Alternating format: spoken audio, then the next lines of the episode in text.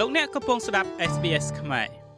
ជារៀងរាល់ឆ្នាំនៅថ្ងៃទី26ខែមករាប្រទេសអូស្ត្រាលីកត់ចំណាំការចាប់ផ្ដើមធ្វើអាណានិគមរបស់អង់គ្លេសនៅឆ្នាំ1788ការដែលហៅការចាប់ផ្ដើមនៃការធ្វើអាណានិគមអង់គ្លេសនេះថាជាទិវាអូស្ត្រាលីឬក៏ Australia Day គឺមានភាពចម្រូងចម្រាស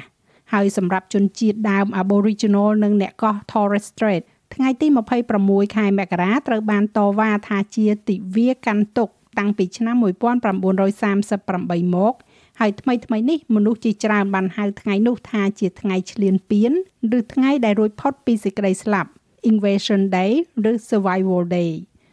នៅពីក្រោយវិធីផ្សេងផ្សេងគ្នាដែលបុគ្គលនិងក្រុមនានាជ្រើសរើសពណ៌នាថ្ងៃទី26ខែមករានោះ បញ្ហាស្នូលគឺគោលគំនិតនៃអធិបតេយ្យភាពដែលមានន័យថាយុត្តាធិការរបស់ជនជាតិដើមភាគតិចអូស្ត្រាលីលើទឹកដីរបស់ពួកគេ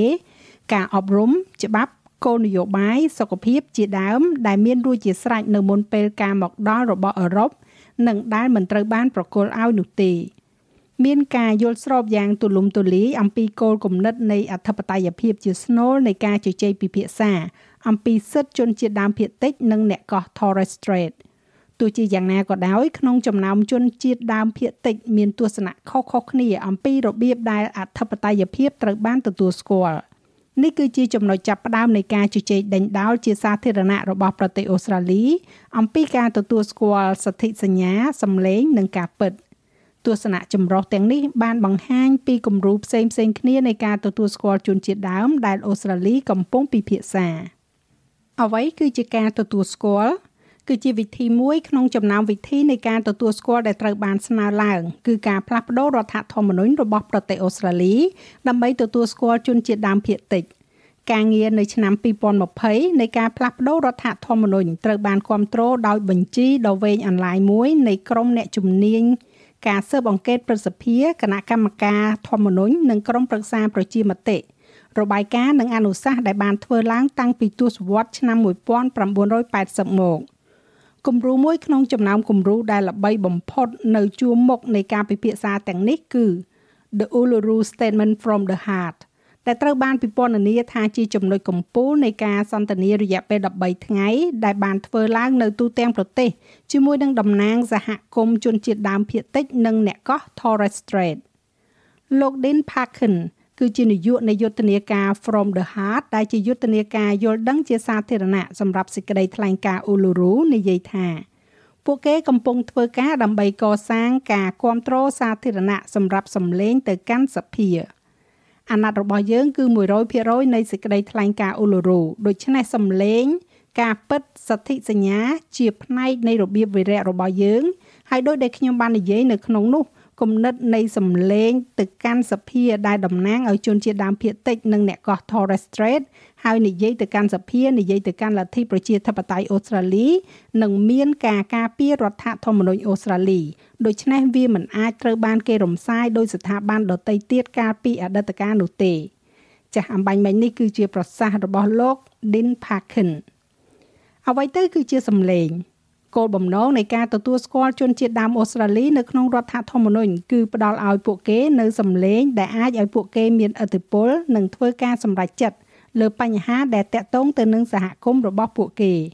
ប៉ុន្តែអ្នកខ្លះគិតថាសម្លេងអាចសម្រេចបានដោយបង្កើតនៅស្ថាប័នតំណាងដែលនឹងក្លាយទៅជាសម្លេងទៅរដ្ឋាភិបាលជំនួសឲ្យសម្លេងទៅសភាដោយដែលបានស្នើឡើងដោយរដ្ឋមន្ត្រីសម្រាប់ជនជាតិដើមភាគតិចអូស្ត្រាលីគឺលោក Ken Watt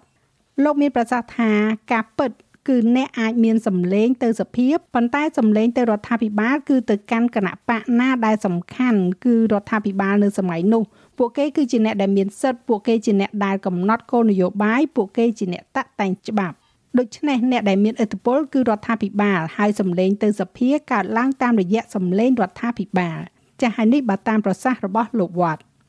ប៉ុន្តែសម្រាប់ស្ត្រីជនជាតិ ប៊ុនចាលុងនិងខុនការ៉ាខានលោកស្រី Danny Larkin សំណើរបស់លោកវត្តនៅក្នុងការបង្កើតស្ថាប័នមួយជិះជាងការបញ្ចូលវាទៅក្នុងរដ្ឋធម្មនុញ្ញនិងคล้ายទៅជាលទ្ធផលអកុសលនិងខកចិត្តលោកស្រីនិយាយថាមានការគ្រប់គ្រងច្រើននៅក្នុងការជំរុញសម្លេងទៅកាន់សភាដើម្បីធ្វើប្រជាមតិធម្មនុញ្ញដូច្នេះវាត្រូវបានការពារពីការផុតរលត់ការដកចេញដោយការក្រលាស់បិច លោកស្រីថានោះគឺជាលទ្ធផលអកុសលនិងពិតជាខកចិត្តសម្រាប់ប្រជាជនដែលបានធ្វើការយ៉ាងទូលំទូលាយទៅលើរឿងនេះ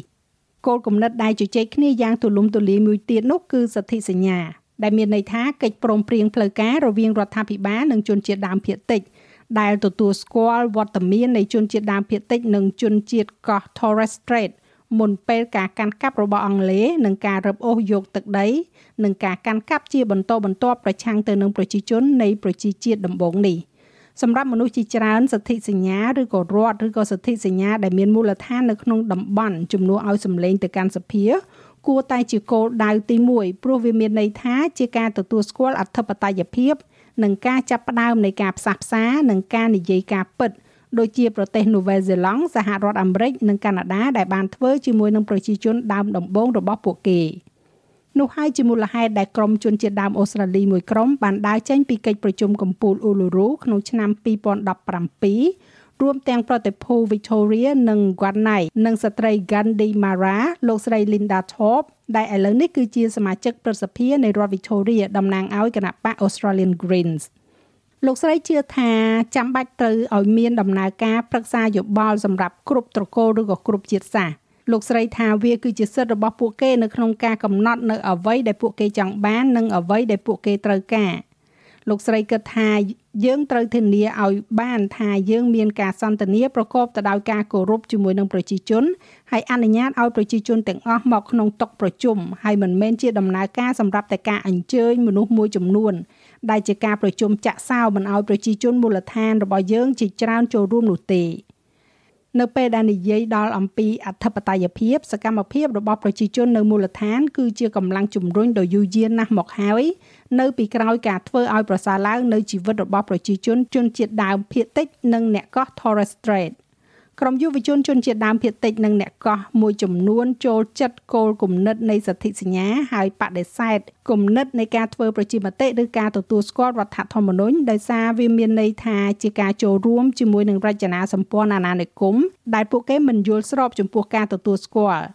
តាមទស្សនៈរបស់ពួកគេយុត្តាធិការអាណានិគមប៉ះទង្គិចជាមួយនឹងអធិបតេយ្យភាពរបស់ជនជាតិដើមភាគតិចនិងសិទ្ធិនៅក្នុងការសម្រេចចិត្តដោយខ្លួនឯងរបស់ពួកគេ។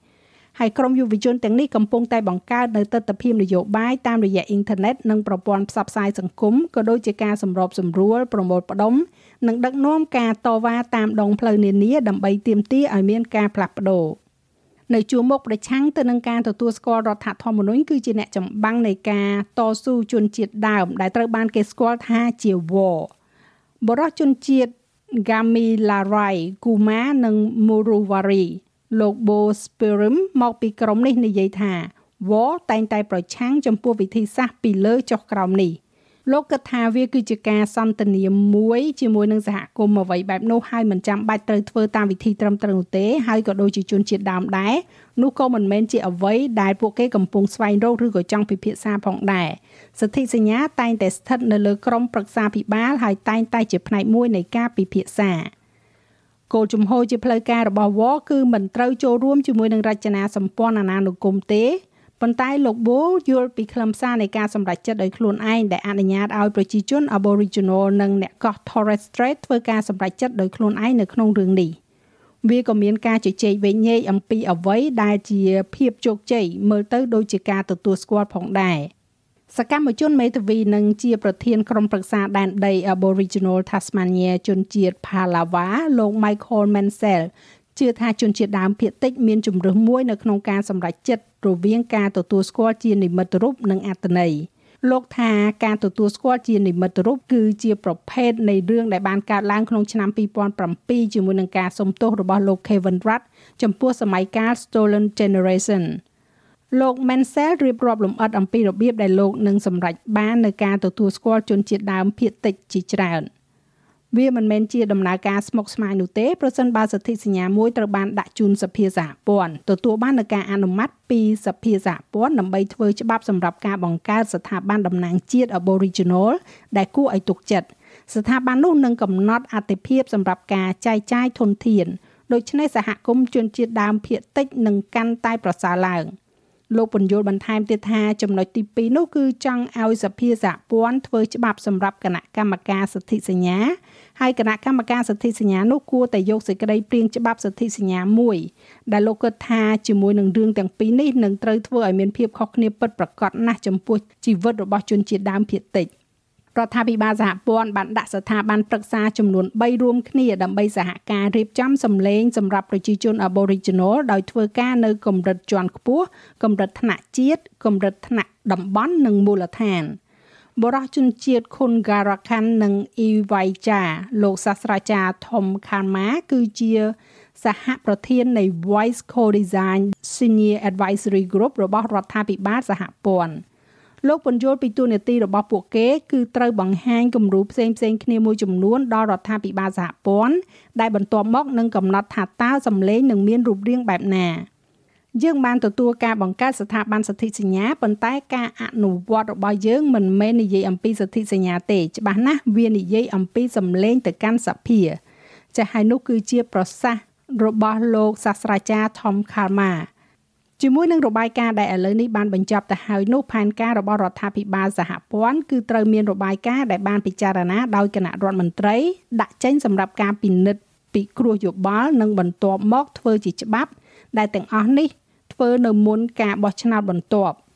ប៉ុន្តែសម្រាប់ក្រុមដែលមិនមានឆន្ទៈនៅក្នុងការសម្រុះសម្រួលលើគំរូដែលពួកគេបានគ្រប់គ្រងនោះលោកសាស្ត្រាចារ្យខាម៉ានិយាយថាជនជាតិដើមភាគតិចត្រូវទាញយកប្រយោជន៍ពីឱកាសនេះមុនពួកគេ។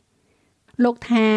អ្វីដែលយើងត្រូវធ្វើគឺសម្លឹងមើលនៅទីនេះនិងឥឡូវនេះតែយើងអាចសម្រេចបាននៅអ្វីខ្លះតើអ្វីនឹងអាចសម្រេចបានដោយមិនប៉ះពាល់ដល់សុចរិតភាពរបស់យើងជាជនជាតិដើមភាគតិចនិងជនជាតិកោះ Torres Strait នោះ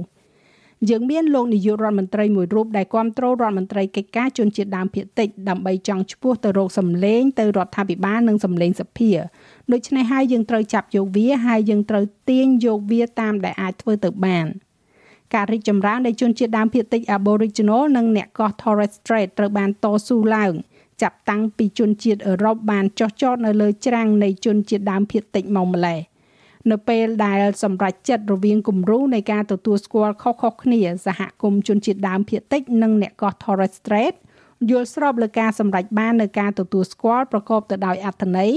នៅពេលមួយនៅក្នុងប្រវត្តិសាស្ត្រអូស្ត្រាលីនៅពេលដែលរដ្ឋាភិបាលដែលបានដាក់ការទទួលស្គាល់និងសម្លេងនៅក្នុងរបៀបវិរៈជាតិ